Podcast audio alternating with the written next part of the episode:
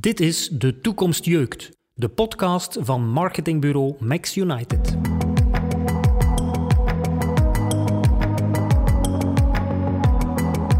Kurt Ostin en Sis Scherpereel in gesprek met ondernemers en experten die prikkelen door hun visie op marketing en ondernemerschap. In deze episode heeft Sis een gesprek met Miguel Garcia, bezieler van Liquid Floors en om diverse redenen lichtjes verslaafd aan innovatie. Naast producten uitvinden, vind je toch telkens ook opnieuw jezelf uit.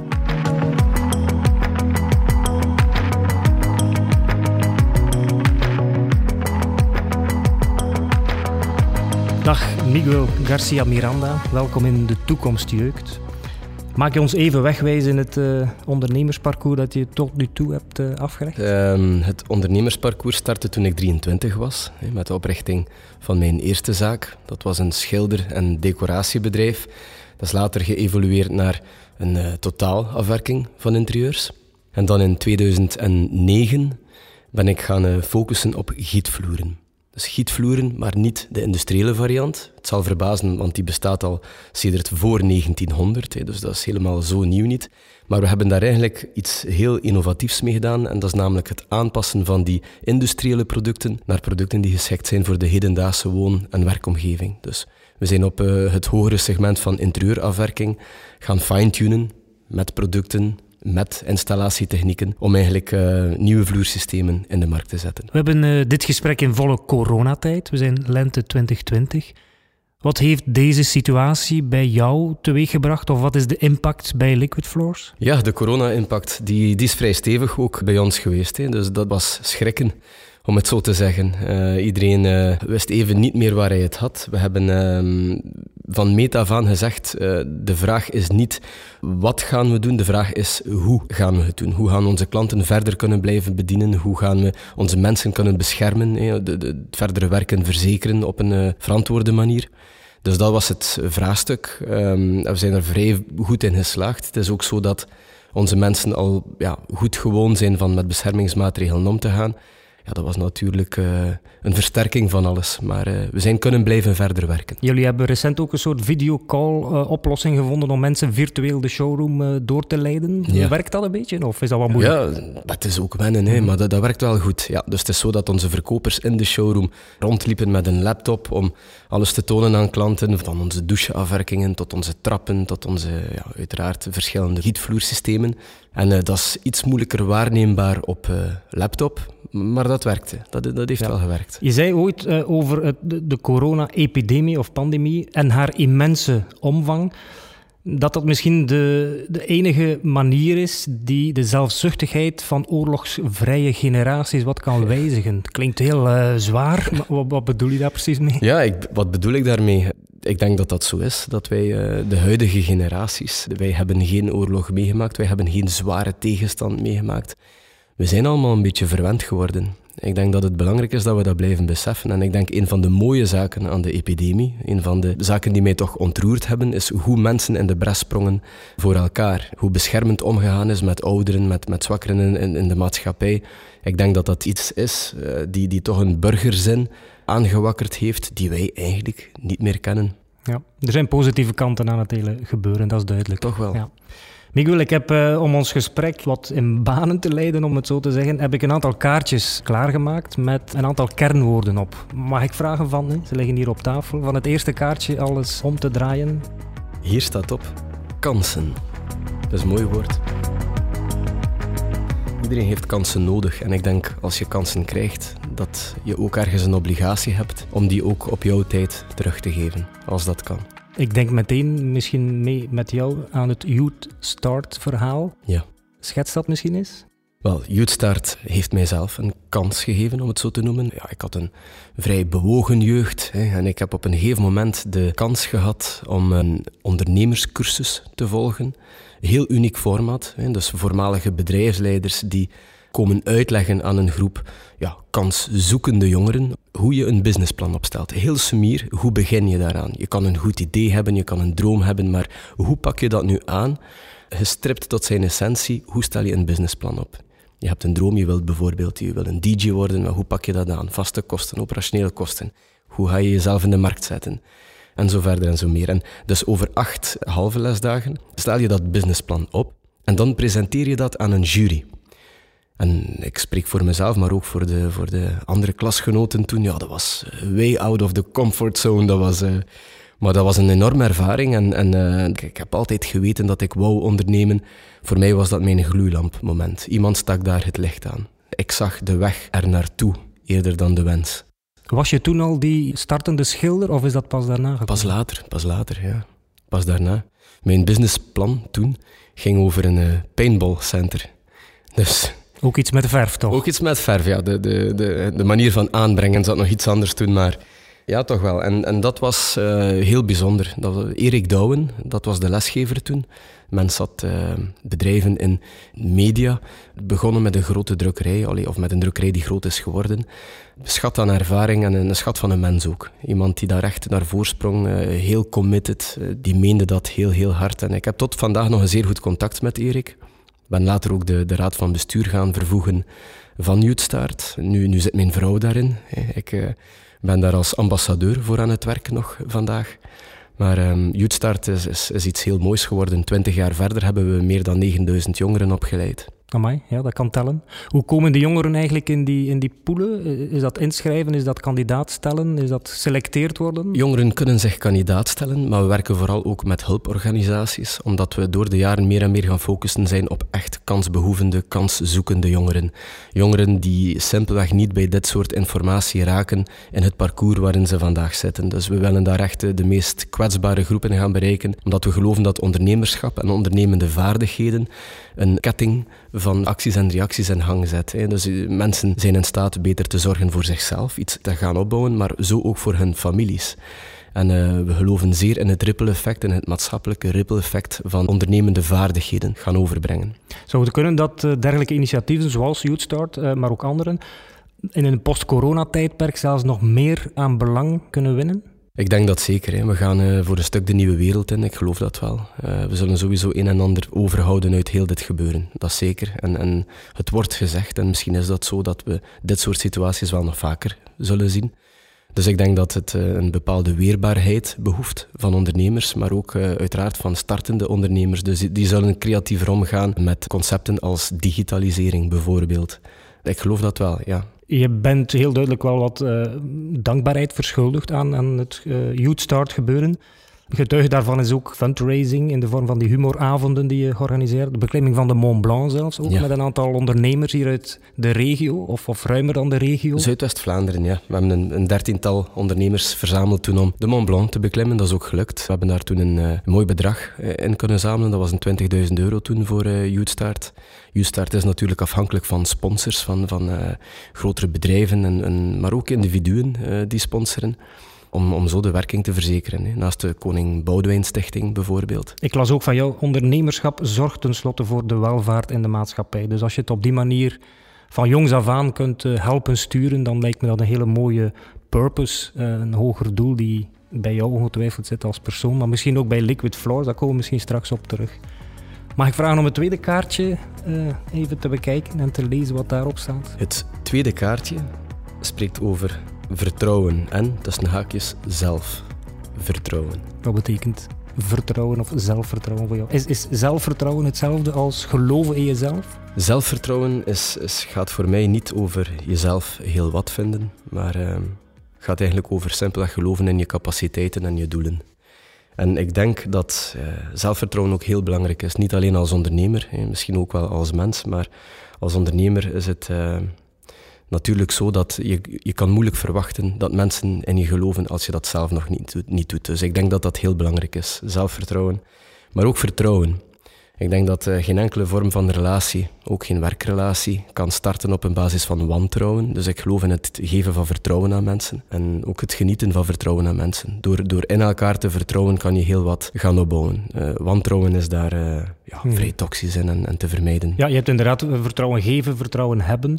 In, in jouw leiderschap, ik denk bijvoorbeeld recent heb je Poortman opgericht. Heb je ook het vertrouwen gegeven aan andere mensen om dit bedrijf te runnen? Is dat natuurlijk voor jou? Is dat moeilijk misschien? Hoe verloopt dat bij jou? Ik heb dat geleerd, denk ik. En ik heb ook geleerd van uh, meer te kijken naar wat mensen doen dan naar wat ze zeggen.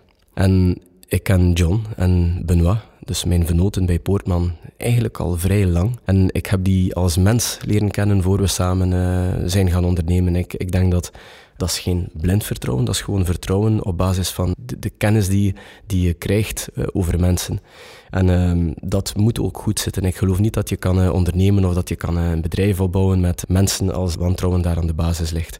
Dus ehm, ja, dat is een vrij apart verhaal. Ik kende John al langer. Dat is een vriend van de familie, zeg maar. En toen, ehm, ja, ik Benoit, die ik intussen ook al 15 jaar ken ongeveer, opeens zag als de missing link binnen dat concept van, van architecturale poorten gaan produceren, gaan installeren, dan, um, dan kwam het voor mij samen. En uh, ik heb hen aan elkaar voorgesteld toen en dat klikte ook. En dat is toch belangrijk, die klik. Die persoonlijke klik, gepaard met dat vertrouwen, ja, daar kan je heel wat mee doen.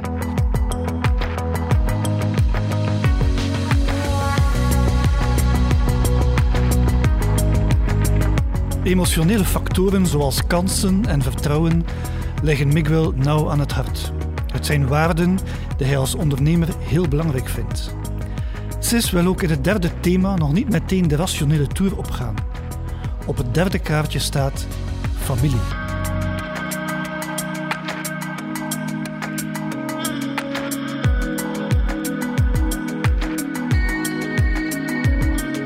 Miguel, jij bent een product, zo noemt men dat dan, eh, van een Spaanse vader en een West-Vlaamse moeder. In welke mate heeft die samensmelting van die twee culturen jou gevormd? Mijn vader is inderdaad in eh, Valencia geboren. Die is naar België gekomen toen hij zes was. Later, een stukje later, mijn moeder leren kennen, die een West-Vlaamse is. En wat ik daar toch uit meeneem, uit mijn familiale basis, is dat familiewaarden zijn niet zozeer uh, cultuurgebaseerd want ik zie zo bijvoorbeeld de waarden die bij mijn Spaanse grootouders leven, evenwel terugkeren bij de, bij de grootouders, bij de ouders dus van mijn moeder, uh, langs de Vlaamse kant. Ik denk dat dat twee families zijn die elkaar ontmoet hebben met, uh, en die, die hadden niet de cultuur gemeenschappelijk, maar wel de waarden. Krijg dat zeker mee als kind. We nemen dat zelfs mee vandaag in de onderneming, familiale waarden. Uh, dat gaat niet, niet enkel over het concept familiale KMO en het feit dat mijn vader ook bij ons werkzaam is, mijn broer een partner is binnen Liquid Floors. Maar ook als sfeer, als bedrijfscultuur is familie en familiale waarden toch een basis geworden. Ja, je noemt het zelf ook de grootste bron van inspiratie. Kan je dat wat concreter maken? Ja, absoluut. Die, die, mensen zijn naar hier gekomen in 1964 bijvoorbeeld van Spanje met drie kinderen en drie valiezen. En zo is de start uh, geweest. Dus die hebben heel hard moeten geloven en heel hard moeten werken om uh, er iets van te maken.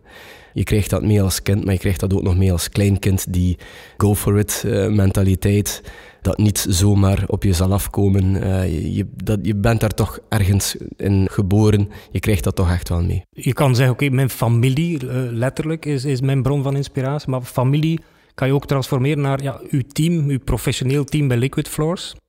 Kan je zeggen dat het team of Liquid Floors op zich een familie is ook? Echt wel. Echt wel. Je ziet dat uh, je, je gaat samen door de moeilijke momenten, de minder evidente momenten. Je viert ook samen successen.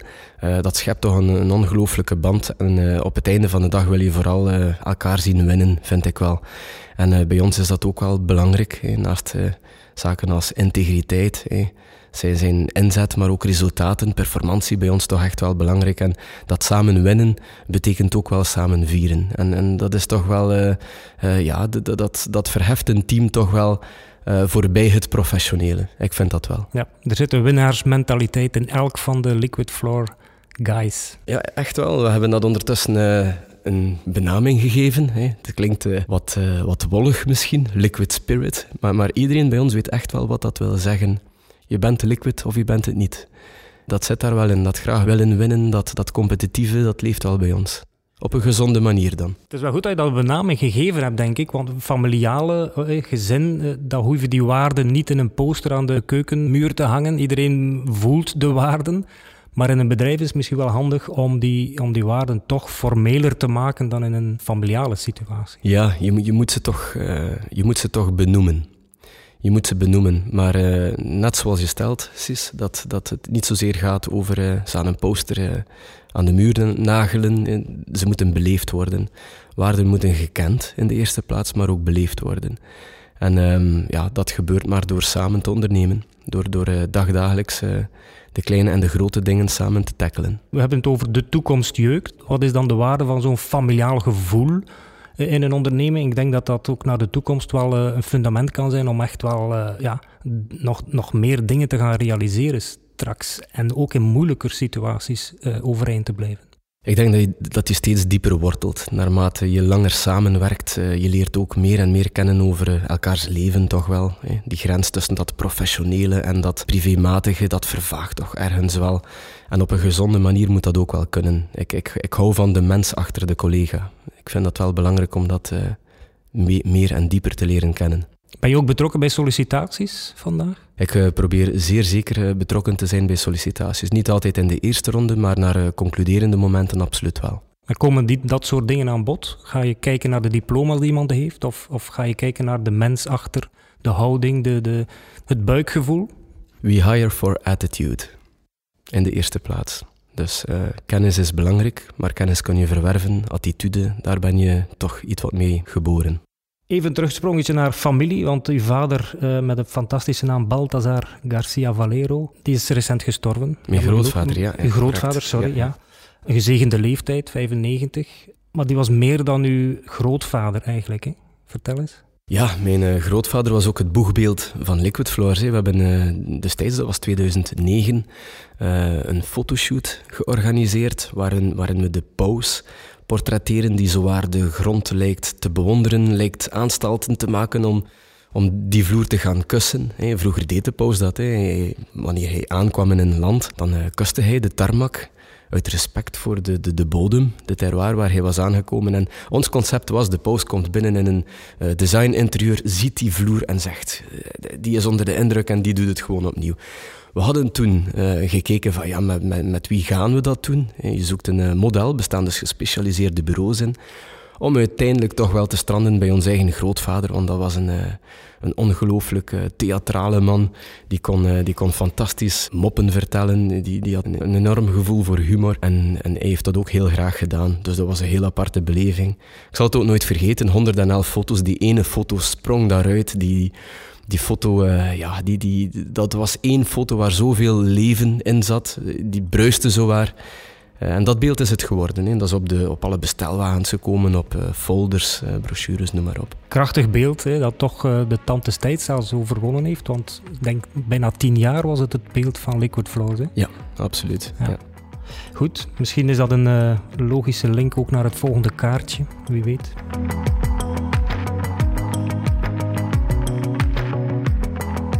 Verrassen. Het bouwsbeeld was een verrassing was, eh, en bleef ook verrassen. Een voorbeeld van wat wij ook graag met het oneerlijk voordeel en onze, onze statements met Mix United uh, hanteren, om sterk de dingen te benoemen in teksten, in slogans, in baselines, maar ook in beelden. Het pausbeeld is natuurlijk iets wat heel lang en sterk op het netvlies blijft hangen. Hoe, hoe, belangrijk is voor jou die, die verrassende factor? Om nog niet te spreken voor innovatie, ik kom daar ongetwijfeld straks op terug, maar verrassen, eh, fris uit de hoek komen. Cruciaal. Je moet boven het uh, geruis uitkomen, eender, wat je doet. Uh, ik denk dat dat toch essentieel is. Niemand kan lucht verkopen, of toch niet lang. Hè. Dus ik denk dat de waarde heel belangrijk is. Volgens mij ook het enige bestaansrecht van een onderneming. Eh, meerwaarde bieden voor de klant, niet voor iemand anders, voor de klant. Daar gaat het uiteindelijk wel over. Maar hoe die boodschap over te brengen en te zorgen dat die gecapteerd wordt, ja, dat, dat kan enkel door verrassing. Ik denk dat verrassing een essentieel onderdeel van communicatie is. Als ik daarover nadenk en jullie ook in, uh, in mijn ervaring terughaal, dan denk ik aan de stand op interieur en zo dat, zijn toch, dat, dat waren knappe staaltjes om echt te verrassen in die wereld waar iedereen natuurlijk om aandacht schreeuwt op dat momentum. Jullie slaagden daar ongelooflijk goed in, tot en met de kleinste vestimentaire details. Dan denk ik, chapeau, dat, uh, dat moet van binnenuit gegroeid zijn. Iedereen, iedereen vormt daar een stukje van, van het gebeuren. Ja, dat is ook een, een, cultureel iets geworden binnen het bedrijf. Als we iets doen, proberen we echt wel all the way te gaan. Uh, denken we hard na over hoe het meest verrassende effect naar voren te kunnen brengen. Onze slogan dat is premium gietvloeren van Liquid Floors. Dus denk ik dat het ook cruciaal is dat we dat premium concept doortrekken tot in de kleinste detailbeleving. En dat gaat zo van bijvoorbeeld de gele stand op interieur ja, tot, tot gele bretellen en, en strikjes uh, die we toen aan hadden. Um, de hele boodschap moet kloppen. We gaan daar graag ver in. Ben je daar zelf een stuk eh, binnen het bedrijf de motivator uh, toe? Of, of kan dat vanuit ieders mening en ieders bijdrage ontspruiten? Ik heb zeker een passie voor communicatie, ik doe dat bijzonder graag. Maar, en ik zeg dat heel dikwijls bij ons, uh, mijn idee hoeft, hoeft nooit te winnen. Ik denk dat je samen veel slimmer bent dan uh, alleen. Ik denk ook dat het mooi is om als team uh, elk een stuk naar voren te kunnen brengen in de wetenschap dat het beste stuk altijd ja, kan, kan winnen. Als motormotivator wil ik nog nemen, maar het is zeker niet enkel mijn verdienste. Ik schreef dat ook toe aan de mensen rond mij, zeer zeker. Ik zie zeer geanimeerde brainstorms voor mij. Ja, maar ja, ja. En, en schaterlachen. Hè. ja. ja, dat start, uh, dat start met wat ideeën aftoetsen en dat eindigt wel een keer in, uh, in een lachbui. Ga je daar ook met externe partijen voor in zee? Uh, of blijft het in het eigen team borrelen tot er iets fantastisch uitkomt? Wij werken zeker ook met externe partijen. Hè. Um, absoluut, zeker naar de uitwerkingen toe en zo verder. Maar ik denk dat de fond van, van onze boodschap dat die bij ons uh, hoort te liggen. Hè. Je kan uh, heel veel verwachten van, van uh, externe mensen, maar niet dat ze het bedrijf beleven op dagdagelijkse basis. Niet dat ze die spirit capteren zoals er zelf 100% van hun tijd zouden inlopen. Dus ja, dat kan natuurlijk niet. Dus dat komt wel vanuit de buik en dat moet ook vanuit de buik komen, geloof ik. Maar verder, ja, bereik je weinig alleen. Alright. Tijd voor het volgende kaartje. Innovatie. Dat kon niet anders, hè? Innovatie. Dat kon niet anders. Ik haal er terug een eh, fragment uit van een of ander artikel. Oprichter, bezieler en CEO Miguel Garcia heeft, een heeft van radicale innovaties een handelsmerk gemaakt. Wat is radicale innovatie? Wel, ik denk dat we in een tijd leven dat we, je kan het niet, eh, zoals ik zei, elke onderneming, het bestaansrecht van elke onderneming is een meerwaarde brengen naar de klant. En iets een klein beetje beter doen dan wat reeds bestaat, ja, dat, dat brengt je er niet. Ik geloof eh, in een, radicale innovatie in die zin dat uh, producten moeten herbekeken worden, niet verfijnd worden. Dus dat, dat is ook wat we gedaan hebben met Liquid Floors. Dat is ook wat we vandaag doen met Poortman. Het moet niet een beetje anders, het moet anders.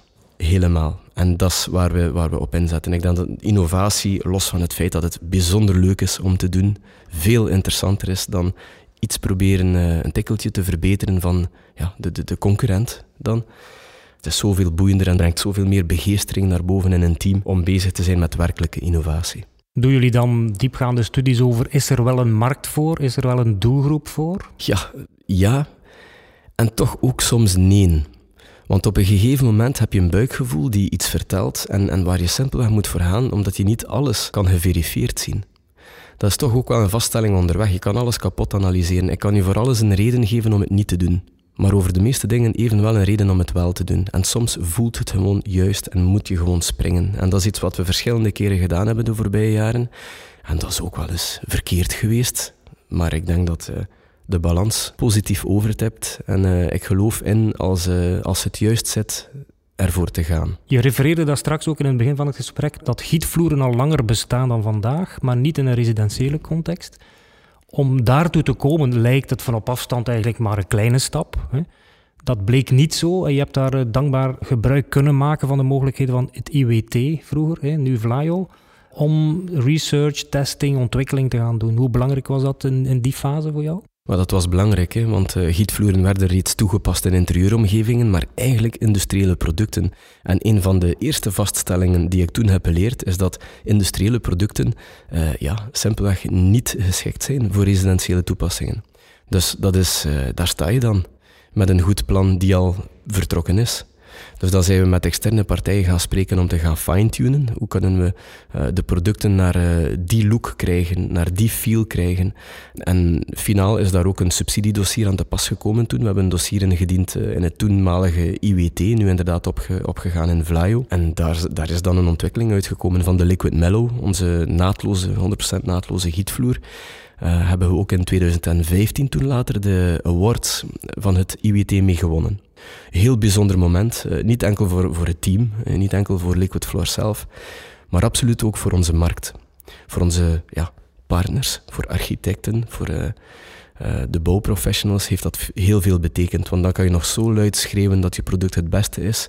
Het is natuurlijk iets anders als dat in de kijker wordt gezet door het IWT toen. De prijzenkast die is al behoorlijk gevuld, heb ik gezien. Niet alleen die IWT Innovation Award, maar ook de, de Trends Top Bouwgazelle in 2014, die ging daaraan vooraf dan ja, een, hele mooie, een heel mooi palmares. Dat helpt ongetwijfeld inderdaad, zoals je zegt, om dat marktleiderschap te onderschrijven. Hè, nog eens te bewijzen dat het wel uh, gewaardeerd wordt. Die prijzen zijn enerzijds um, ja, handig, een bekroning uiteraard.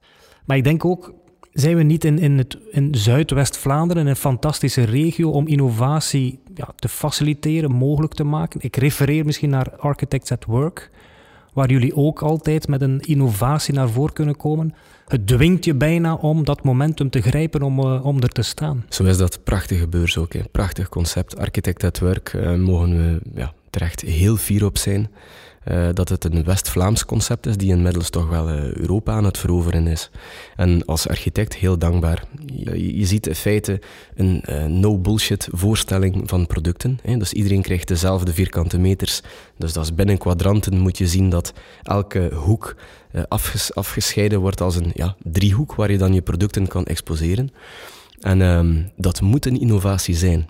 Of je kan er helemaal niet staan. Dus dat zorgt ervoor dat dat vooral werkelijk innovatieve bedrijven zijn die daar staan. Voor de architecten heel dankbaar concept, maar ook voor ons. Hè. Als je als bedrijf je innovatie wil onderschrijven, dan is Architect at Work ja, op zich al een statement maar ook een heel doeltreffende manier om veel architecten te zien, veel bouwprofessionals te zien op twee dagen tijd. Dus um, ja, we doen er graag aan mee. Ook uh, de volgende editie die is nu uitgesteld uiteraard door de coronasituatie, maar in december um, gaan we er volop voor. Maar voor jullie is dat duidelijk een momentum om met de innovatie die, die broeit, om dan klaar te zijn? Of ben je dan nog niet ja. helemaal klaar met het idee? Hoe zit dat dan? Ja, ja het plaatst een deadline, ja. een gezonde deadline. Het moet klaar zijn voor Architect at Work. We hebben zo de SoCrit gelanceerd, ons nieuwste product. Dat was uh, Architect at Work 2019. Ja, dat was een stomende deadline om dat te halen, maar dan finaal sta je daar. Dat product is zeer goed vertrokken. Het was een, een, een succesvolle lancering daar, waar we vooral gekend waren voor de, strakke uniekleuren gietvloeren. Hebben we daar getoond dat we een heel genuanceerde, heel natuurlijke uh, gietstukvloer eigenlijk uh, naar voren kunnen brengen die toch zeer onderscheidend is. En daar is Architect een zeer, zeer boeiend medium voor.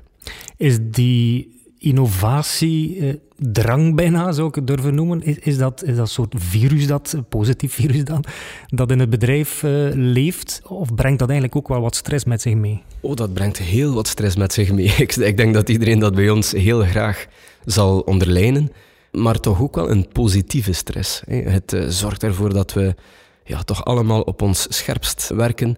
Het is niets boeiender dan een nieuw product in de markt zetten, die finesses ervan gaan ontdekken in de eerste maanden zeg maar, van het uh, toe te passen. Dan de eerste teams te gaan trainen om, om dat ook succesvol te kunnen plaatsen. Ja, dat is natuurlijk een hele onderneming, maar ook net dat maakt het werken, het dagdagelijkse werken op zich heel boeiend voor iedereen betrokken. Ja, wat je zou kunnen zeggen, jullie zijn marktleider. Het is een comfortabele positie. Lang uit in de zetel in uw positie berusten, dat kan ook een optie zijn, maar dat is niet zo. Hè? Och, ik denk dat dat geen optie is. Voor ons, ik, ik denk dat het uh, in de tijden waarin we leven, uh, disruptie is van alle tijden, uh, maar we leven in bijzonder disruptieve tijden. Ik denk dat als bedrijf is het echt wel innovate or die. Ik geloof dat, los van het feit dat het gewoon veel interessanter is om te doen, is het ook noodzaak. Ik denk dat je als bedrijf niet kunt teren op succesjes. Dat geloof ik niet. Alright. Goed voor het uh, laatste kaartje. Het laatste kaartje spreekt over groei. Groei, wat betekent groei voor jou? Geef daar eens een, uh, een invulling aan. Ik denk dat groei ja, een beetje de essentie is van uh, de levensloop van een onderneming. Net zoals innoveren. Ja, innoveren gaat gepaard met groei. Als je telkens nieuwe producten in de markt zet, is dat telkens opnieuw een stapje verder. Dus dat op zich al gaat, gaat voor mij uh, hand in hand. Maar een van de mooiste dingen vind ik ook uh, doorheen de loopbaan de, de persoonlijke groei die ondernemen toch wel met zich meebrengt. Want naast uh, producten uitvinden, vind je toch telkens ook opnieuw jezelf uit.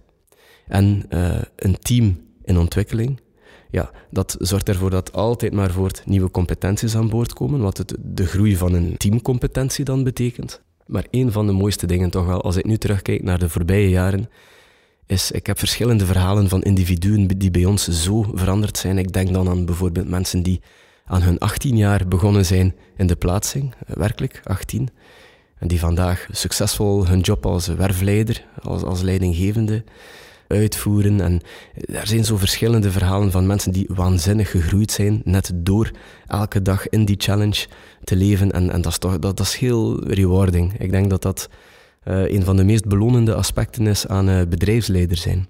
De mensen rondom je zien uh, ontwikkelen. In feite kan je het ook transformeren naar je eigen situatie. Je hebt daar straks gezegd als schilder begonnen. Stel je voor dat u vandaag nog altijd die schilder was.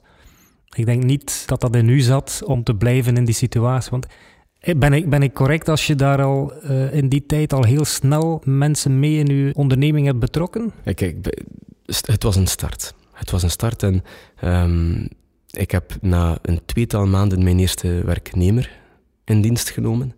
Dat was een tijd van projecten verkopen, projecten aannemen die veel groter waren dan ik aankon. En dan uh, snel hulp zoeken om die uitgevoerd te krijgen. Onder andere één iemand intern, maar ook verschillende externe mensen. Dat was een uh, zeer turbulente start van uh, ondernemerschap. Als ik erop terugkijk, heel bijzondere periode. Maar heel challenging, heeft mij gedwongen om heel snel te groeien als ondernemer. Dus niet enkel in zakencijfer, zeg maar, maar vooral in eigen competenties. Ik heb ook altijd heel hard ingezet op blijvend leren. dus, dus cursussen, seminars, heel veel lezen, heel veel te raden gaan bij mensen. Ja, dat is toch wel heel belangrijk geweest in die periode van uh, in te zetten op ontwikkeling. 2015 heb je op kanaal Z een stelling gedaan dat je de plannen voor uitbreiding naar het buitenland concreet ging maken. Eh, hoe staan we daar vandaag mee? Wel, we hebben altijd gezegd met Liquid Floors, we werken aan een merk, niet aan een bouwbedrijf. We zijn natuurlijk een bouwbedrijf, want wij installeren onze eigen producten. Maar we zijn in de eerste plaats een merk.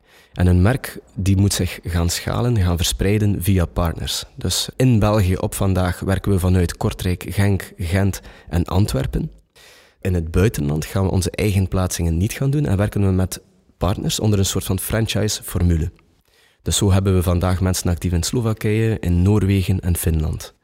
Dus dat is een fine-tunen van dat partnerconcept. Dat is de volgende stage voor Liquid Floors. En uh, heel boeiend opnieuw, heel boeiend leerproces, die toch al eerste mooie resultaten afgeeft. Miguel, mag ik er tot slot zelf nog een woord aan toevoegen, zonder kaartje? En dat woord is apart. Tijdens mijn voorbereiding op dit gesprek kwam ik dat woord op verschillende plaatsen tegen. Onder andere de humoravonden die geld in het laadje moesten brengen voor Youth Start, die heb je zo genoemd. En ik zag het zelfs als nummerplaat van de Porsche die de homepage van de site van Poortman siert. Dus ik dacht, dit kan geen toeval zijn. Wat betekent apart voor jou? Dat is heel opmerkzaam, Sis. Uh, apart betekent voor mij, dat is de naam van uh, mijn persoonlijk vernootschap ook. Apart betekent voor mij uh, onderscheidend werken de dingen anders doen dan ze al gedaan worden. De basis van onze filosofie en alles wat we ondernemen gaat dat over ja, liquid floors, maar ook over Canvas bijvoorbeeld. Ik heb Canvas overgegeven of overgedragen, verkocht aan mijn zakenpartner. Canvas uh, specialiseerde zich in spanplafonds.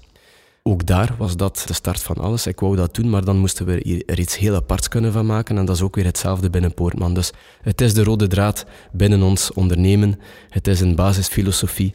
Iets apart gaan lanceren, iets apart in de markt zetten. Miguel, bedankt voor deze fijne babbel. En nog heel veel succes met uw aparte onderneming. Bijzonder graag gedaan. Dankjewel, Sis.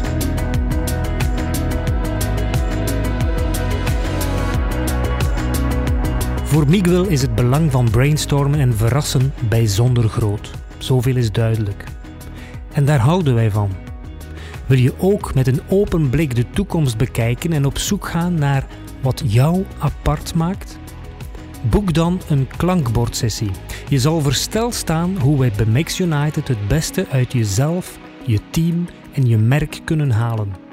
Meer info op maxunited.be.